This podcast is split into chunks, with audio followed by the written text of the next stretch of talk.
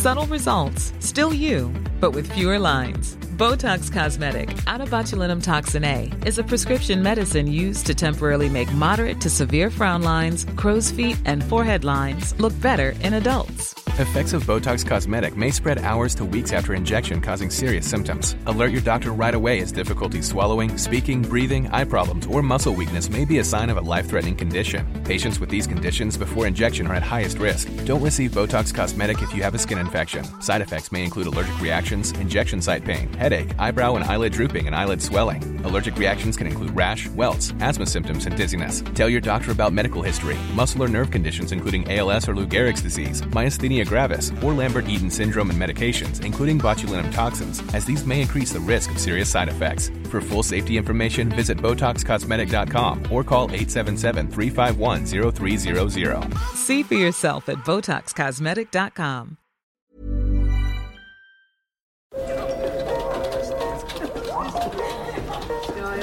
Dette er lyden av norsk næringsliv. Akkurat nå tas det små og store valg som kan bli avgjørende for fremtiden. Med økonomisystemet X-Leger tas disse beslutningene basert på informasjon i samtid, slik at drømmer og ambisjoner kan bli virkelighet. Få kontroll og oversikt. Gå inn på xledger.no. Denne sendingen er sponset av Xleger.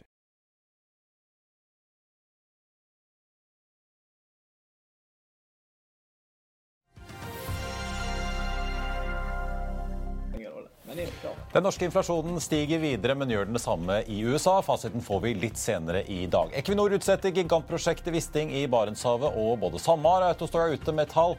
Dette er Børsmorgen.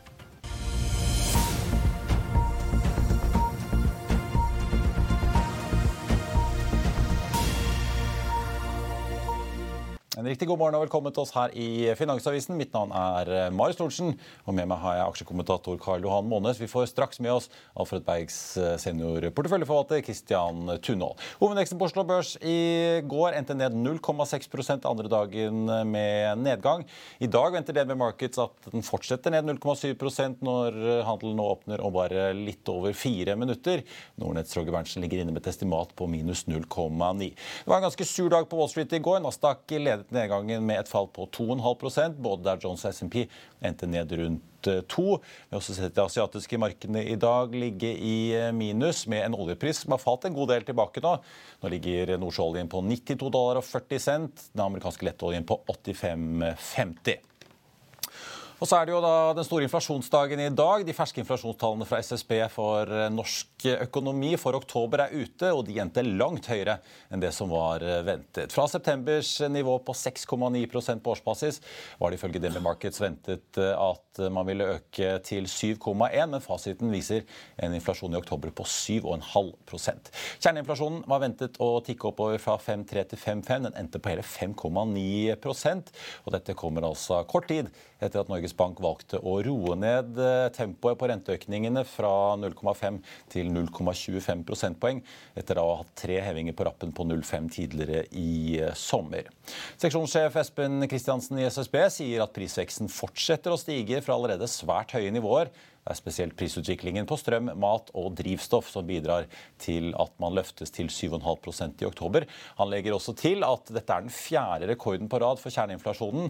Det er en bred oppgang i alle varer og tjenester, men særlig mat, møbler, hotell, restauranter og bil trekker opp. Og klokken 14.30 i dag så får vi altså de amerikanske inflasjonstallene, som er ventet å tikke litt ned fra 8,2 til 8 blank, med en stabil kjerneinflasjon på 6,6% men utvilsomt en statistikk som vil prege markedet hvis det er noe store avvik der. Det store Wisting-feltet blir utsatt. Feltet som skulle bli det tredje oljefeltet i Barentshavet etter Goliat og det kommende Johan Castberg-feltet, blir ikke sanksjonert nå før nyttår. Og Dermed går det også glipp av den famøse oljeskattepakken. Equinor og partnerne, inkludert Aker BP, sier at de nå ser for seg en investeringsbeslutning innen slutten av 2026, altså om fire år.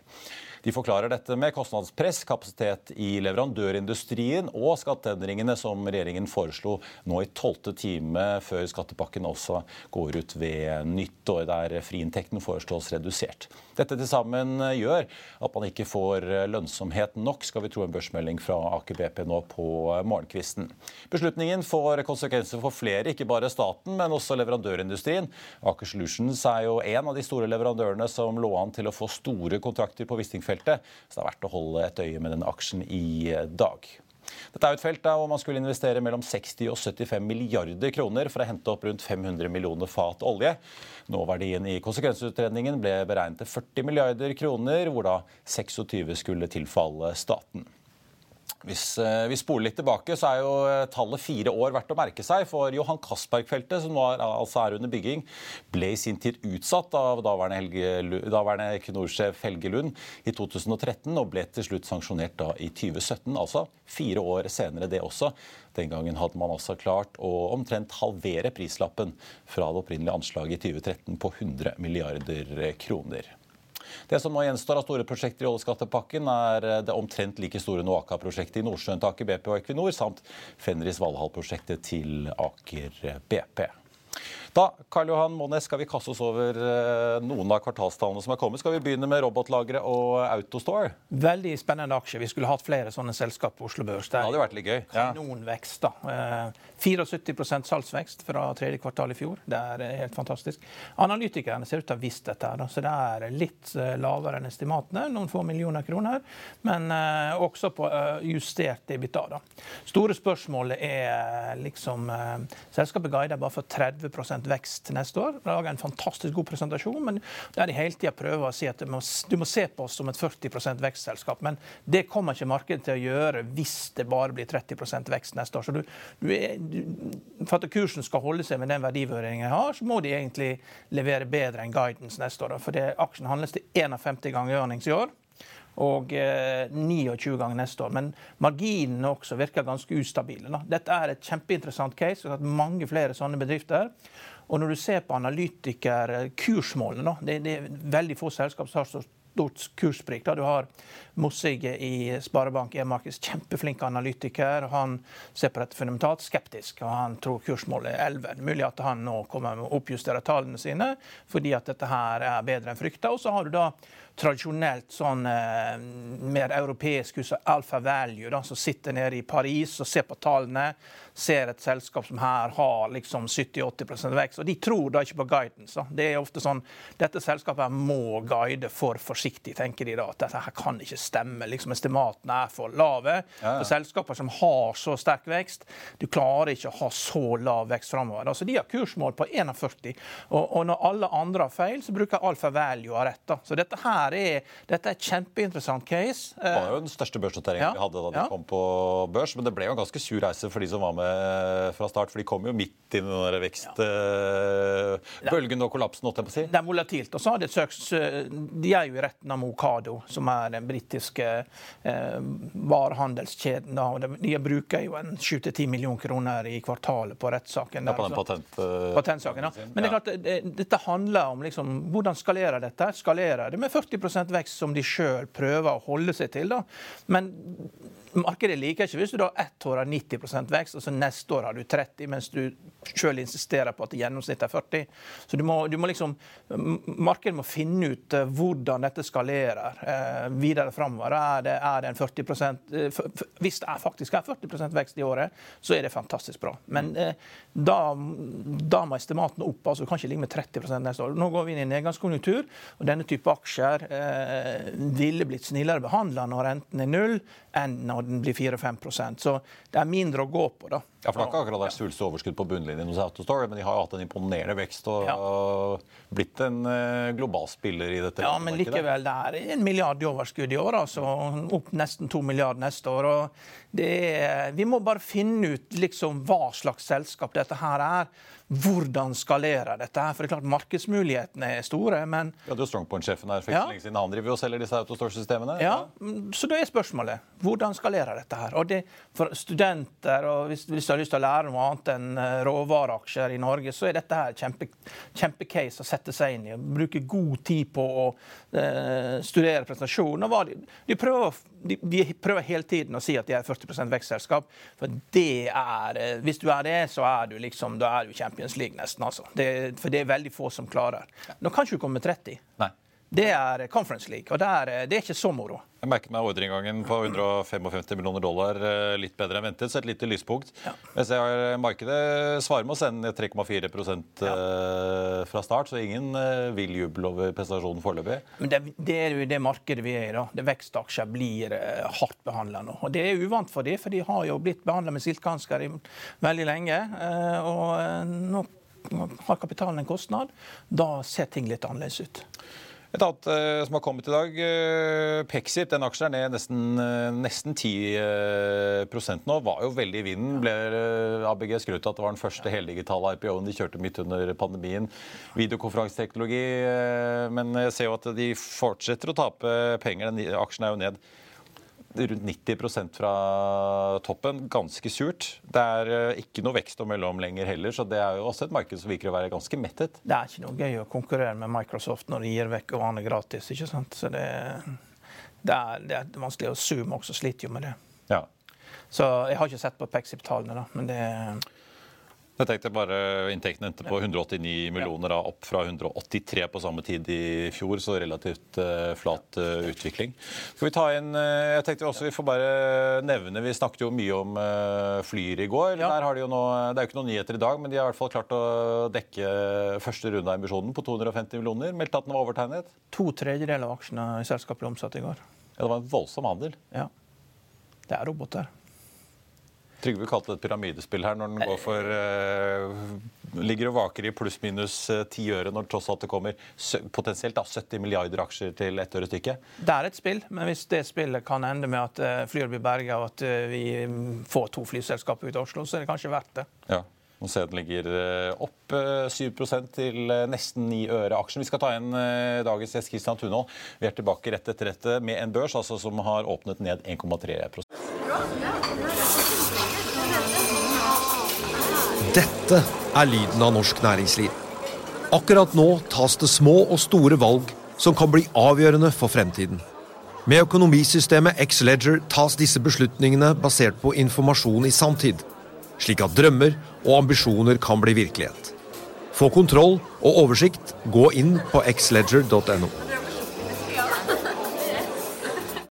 Denne episoden er sponset av van Brun, en fremtredende smykkeforhandler kjent for sitt brede utvalg av forlovelsesringer, gifteringer og diamantsmykker som bæres og elskes i generasjoner.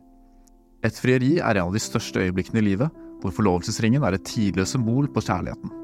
Valg av ring krever omtanke for både hvilket metall og diamant, med et bredt spekter av både naturlige og labdyrkede diamanter, og metaller som platina, gult gull, hvitt gull og roségull, hjelper de deg med å sette et personlig preg på din kjærlighetshistorie. Van Brun vil gjerne invitere deg til å prøve på tre av dine favorittringer fra nettsiden helt kostnadsfritt. Du kan også låne et bredt spekter av frieriringer, slik at du og din forlovede kan velge en ring sammen etter det store ja. Van Brun tilbyr 90 dagers åpent kjøp og 90 dagers gratis størrelsesjustering. Utforsk deres eksklusive sortiment i luksuriøse omgivelser. Bok en konsultasjon sammen med en diamantekspert i deres showroom i Oslo. Eller online på vanbrun.com. V-a-n-b-r-u-u-n.com.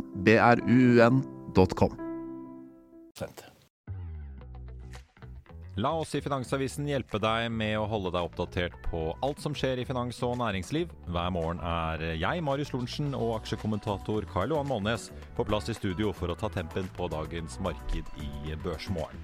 På ettermiddagen oppsummerer vi alt du trenger å vite i økonominyhetene, og så får vi selvfølgelig besøk av masse interessante gjester. Du finner oss på fa.no-tv, eller ved å søke opp Børsmorgen og Økonominyhetene der du hører på podkast.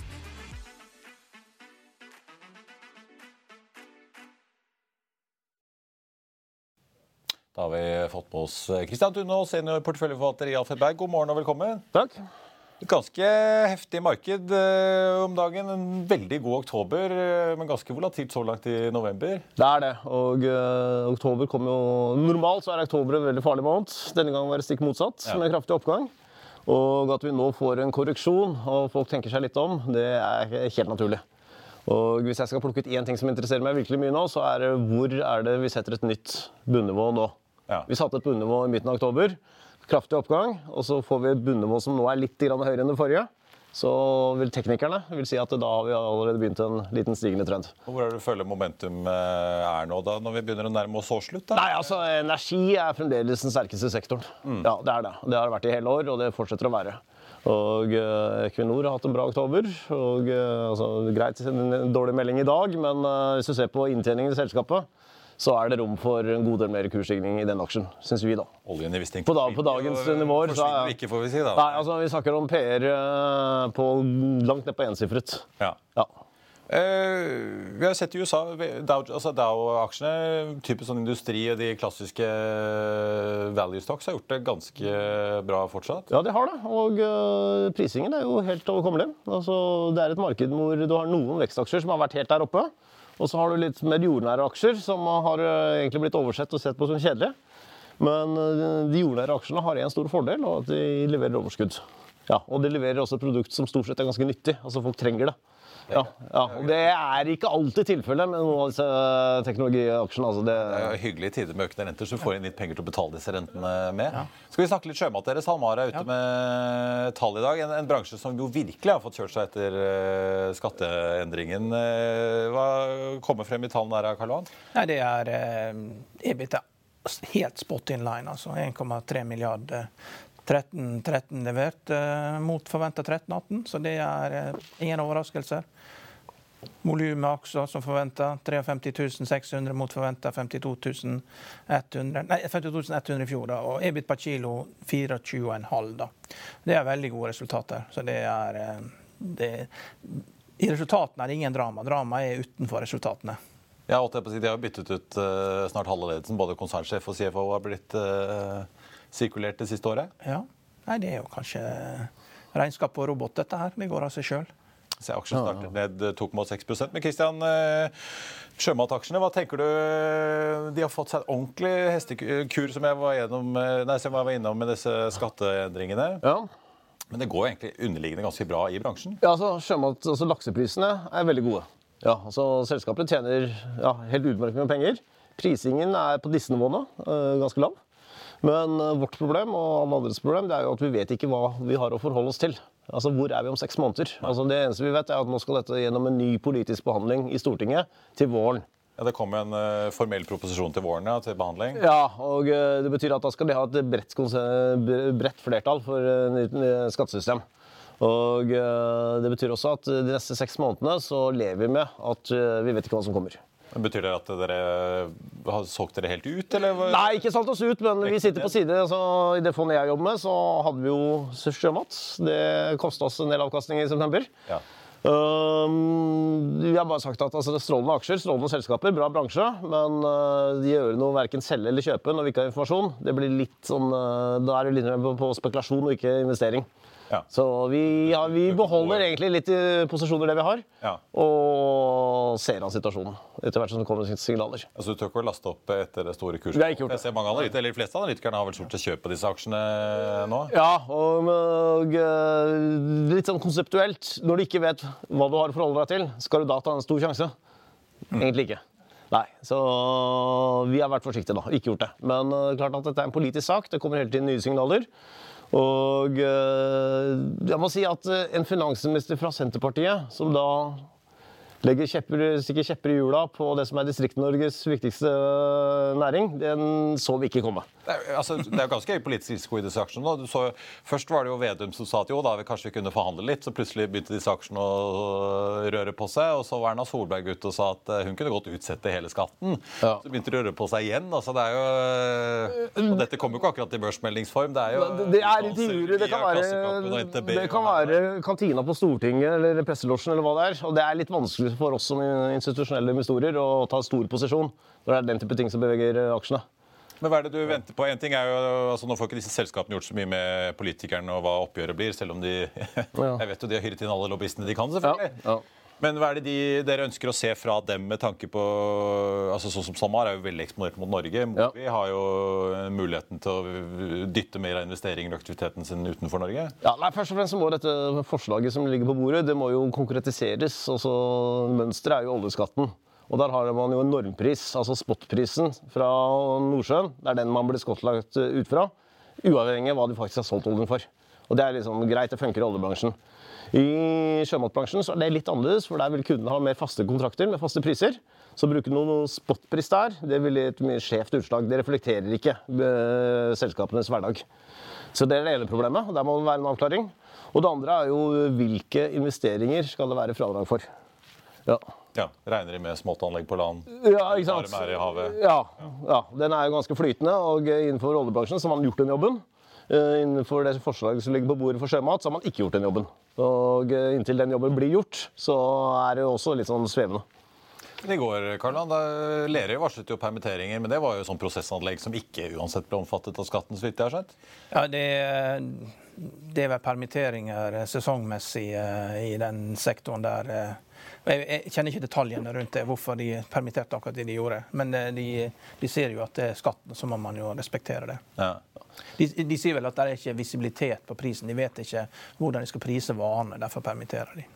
Men blir det liksom en sånn permanent eh, liksom, rabatt på disse aksjene da? Det vet man ikke. Fordi at ja, ok, man kan få en avklaring på den skatten, som Ja. Kristian er inne på, men uansett så vil man alltid tenke at det kan komme et eller annet. Generelt sett så eh, norsk lakseeksport eh, vi, vi sender jo hel rundfisk ut frossen i kasser. I eh, trailere, i 19 tonns trailere, over 700 trailere ute. Og det er jo tar ikke av de hodet. Vi gjør jo veldig lite med å videreforedle fisken. Og mange i Norge som eh, syns det vi burde gjort mer av det, men det er ikke avtalen med EU. da, Så vi må levere hel vare til EU. Og hel fisk og masse is i. Og bra for Bevi med sine kasser. da. Og, Ja, for de solgte litt også.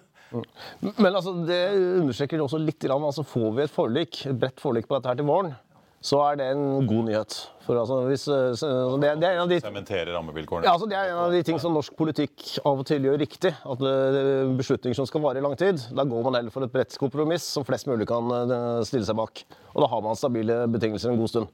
Så skjer dette her til våren, så er det en god nyhet. Ja. Ja, Men dette, absolutt. dette, den eh, skyen av usikkerhet den vil henge ved de sakene? Inntil det skjer, så skal, inntil det skjer, så skal det ha en usikkerhetsrabatt på aksjen. Ja. Ja. Og da tør ikke du å laste opp i Nei, vi gjør ikke det. Altså for, uh, vi, som jeg sier, litt konseptuelt eh, ønsker å investere mye penger i noe du egentlig ikke kan eh, regne verdien av. Og det er, nei. du, du har et Norden-fond, ikke sant? Ja. Og likevel har du mye Equinor. og Nå så vi oljeprisen falt med 7 dollar eh, Ja. i går. da, så På et eller annet tidspunkt så skal man ut av olje. og Da har jo du en fordel at du kan kjøpe masse svenske aksjer og finske og danske. og når du begynte med dette, her, så skulle du lage Nordens Gambak. og Det er vel vanskelig å lage med Equinor i dette. Men hvor, hvordan er det du tenker nå framover hvis oljeprisen kommer ned? Hvordan er det du da vil investere? Har du en plan for hvordan du skal eh, benytte det når oljeprisen begynner å komme ned fra spiken er gjort? eh, Gassprisene kommer ned og Ja, vi, vi har en plan. Ja, absolutt. Og eh, først og fremst, altså, Vi har vært kraftig overvektige i energi gjennom hele 2022, i no- både norske fond og i Norden. De har betalt seg. Det har vært en god ting, god ting å gjøre. Uh, så får vi se hvor lenge det varer. Den beslutningen tar vi hver uke. Og da går vi inn hele porteføljen, alternativer. Hvordan scorer dette her nå? Hvordan ser det ut? Og så tar vi en porteføljebeslutning på basis av det. Uh, Foreløpig så altså, par og 90 dollar, eh, det er fremdeles en meget god oljepris. Altså, Equinor er billig på 92 dollar og dagens gasspriser. Smiler fortsatt disse oljetoppene. De smiler bredt med god grunn. Ja. Og eh, Så får vi se hvor prisen setter seg. Altså Et utslag en dag til en annen, det kan jo være mye tilfeldigheter.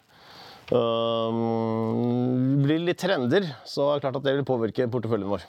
Men hva er de typisk beste svenske, finske og danske aksjene du ser etter? Jeg hadde et selskap som jeg har tatt en stor eller som fondet har tatt en stor posisjon i, som kom med tall for to dager siden. Det er noe som heter New Wave i Sverige. Merchandise, sånn T-skjorter med logoer. Riktig. Det er kanskje ikke rakettforskning, men det selger som bare rakkeren. Ja, man kan tjene penger på det òg. Ja, ja. Og eh, kom et tall, altså det er priset på PE litt over 10. Vokser med mye her nå, 30 organisk. Og tjene penger som gress. For eksempel. Det er en aksje man kan investere. Også mer enn skytjenesten til Microsoft. Men, men du, du, Jeg vet jo at du har vært glad i Kongsberg Gruppen før. og Nå Ja. er Sverige og Finland inn i Nato. Har du sett noe på er det noen forsvarsaksjer du kan kjøpe i Sverige og Finland som kan gjøre det veldig bra? Øh, Det er Saab som er notert i Sverige.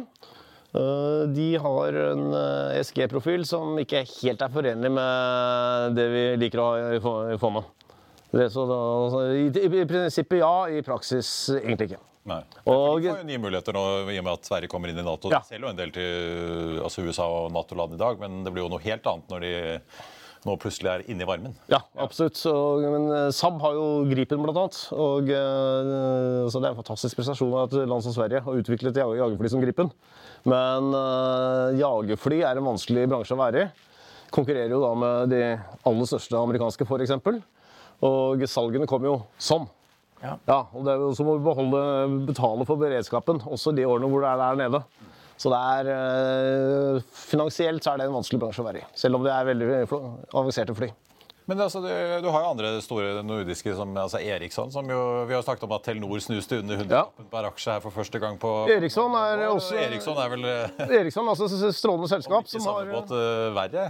Ja, ja, de har hatt mye det, så på godt norsk legacy problems. Altså arv fra tidligere tider som kommer opp eh, gang etter gang. Eh, De har bl.a. rotet seg inn i en del land som det har vært vanskelig å gjøre business etter norske standard, eller nordiske standarder. Og det kommer av drypp sånn litt for ofte.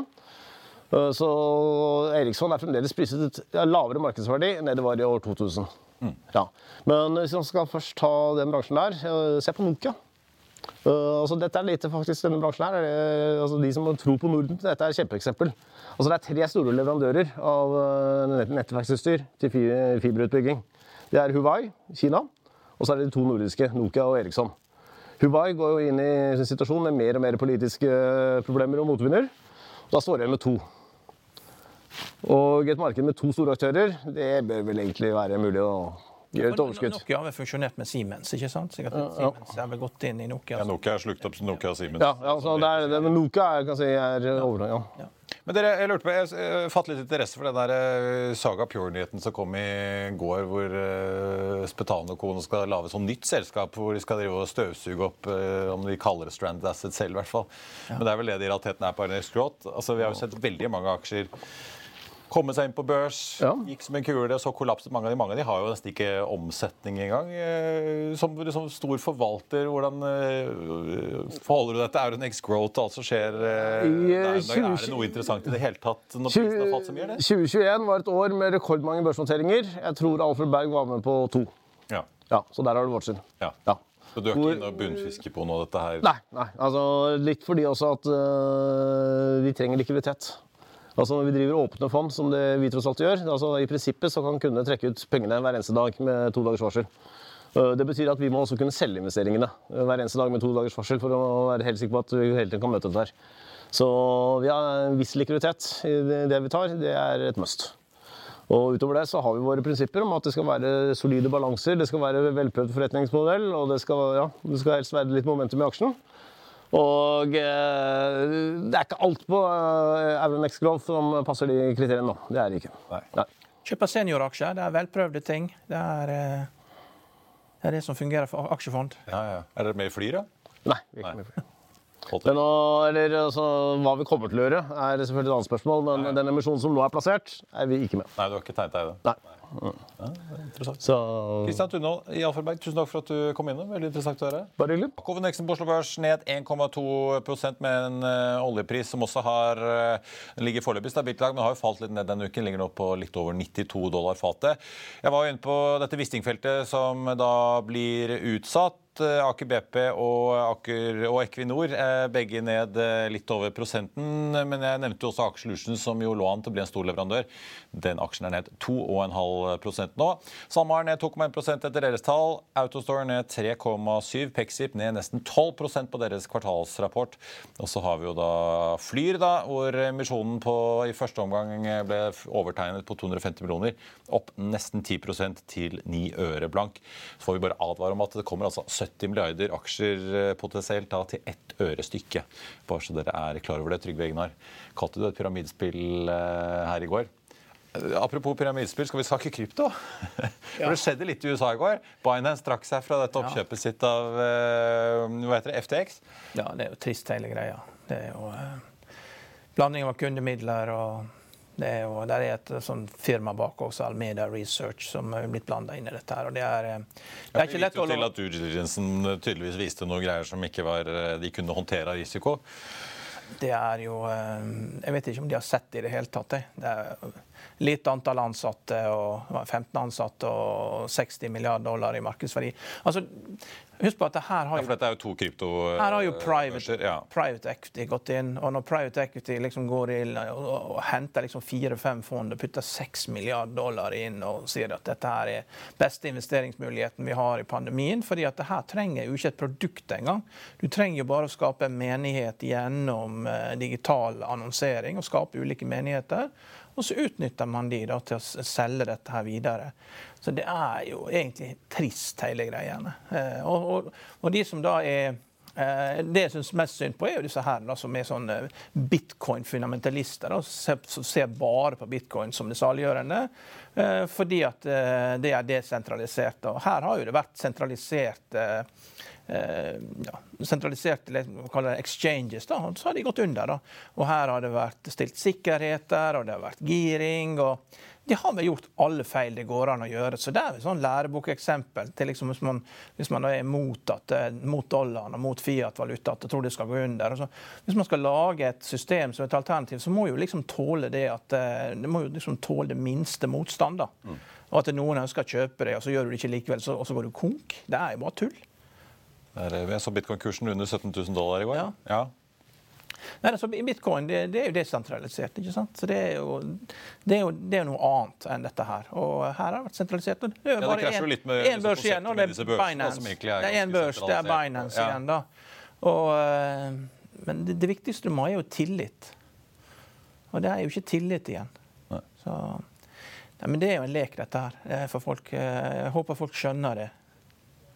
Altså hvis, hvis, hvis Flyr er pyramidespill, det er jo et faktisk fysisk selskap. og jo, det, tar, det, skaper jo et produkt, skaper jo en verdi, og potensielt kan jo skape en kontantstrøm. Og, og bitcoin det skaper jo ikke noen kontantstrøm. Ingen av disse her kryptovalutaene skaper noen verdi. Det er ingen kontantstrøm å verdivurdere. Så eh, det er liksom som det er ikke verdipapirer, det er sånn samlegjenstander. Det er som julekorger på eh, pinsen på Lillehammer. Altså, det har en affeksjonsverdi, og det er gøy å eie, men det er, ikke noe, det er verken noe fysisk eller verdipapir eller noe annet. Så det jeg vet ikke, det er helt uh, utrolig at så mange kan bli lurt av dette her. altså. Ja. Men det er jo noen som har blitt rike, da. Så det er jo kjennetegn på pyramidspill. At noen få blir veldig rike. Noen rekker å hoppe underveis. Ja, og andre tapper en halv million kroner hver og syns det har vært verdt prisen. Ja. Takk skal du ha, Karl-Han. Vi ses igjen i morgen. Hovedeksten på Oslo Børs ned 1 eh, nå, som trend som eh, ventet da etter en ganske sur eh, dag på Wall Street i går, hvor indeksen var ned et par prosent, med Nasdaq da ned 2,5. Så får vi jo da bare svinge kjapt innom disse aksjene som har sluppet kvartalstallag. SalMar ned 1,9% Autostore ned 3,4 Pexip 12,5% nå peker seg ut som en av dagens store tapere. Flyr, som er midt i en emisjonsprosess, opp og, ja, ligger fortsatt og vaker på en 9 øre aksjen. Sjømatindeksen på Oslo Børs ned 1,4% Og så har vi jo da tillegg til at Aker Solutions er ned den drøye halvannen prosenten, og så er det jevnt over rødt. Og ser vi på listen over de mest omsatte aksjene så er det nå bare Rex som er i pluss, opp halvannen prosent. Med et Europa hvor, med unntak av Storbritannia som ligger og vaker i null, så er det også jevnt over stort sett i minus. På tappen to kjappe nyheter. Analytikerne oppjusterer kursmålene og estimatene sine på Movi etter gårsdagens kvartalsrapport fra laksekjempen. Carnegie øker kursmålet fra 1,68 til 1,82. SEB Pareto, BNP Paribas og Arctic oppjusterer også sine kursmål noe. Movi ligger nå ned en, ja, ned en prosent omtrent til 1,5360. Og så er det B2 Holding. da, De leverte bedre tall enn ventet i dag. Cash EBTA var på 973 millioner i kvartalet, og de endte med et nettoresultat på bunnlinjen på 143 millioner. DNB Markets ventet 9,38 og 1,23, så litt bedre enn ventet der, altså. Det var børsmålen for denne torsdag 10.11. Husk å få med deg økonominyhetene klokken klokken 14.30. Da skal vi høre fra Statnett, Pareto og olje- og energiministeren om kraftsituasjonen og hvorfor Statnett tror at vi havner i et kraftunderskudd i dette landet i 2026-2027, men med lavere priser enn vi har i dag. I mellomtiden så får du siste nytt på F1 og gjennom hele børsdagen. Ha en riktig god dag videre. Takk for nå.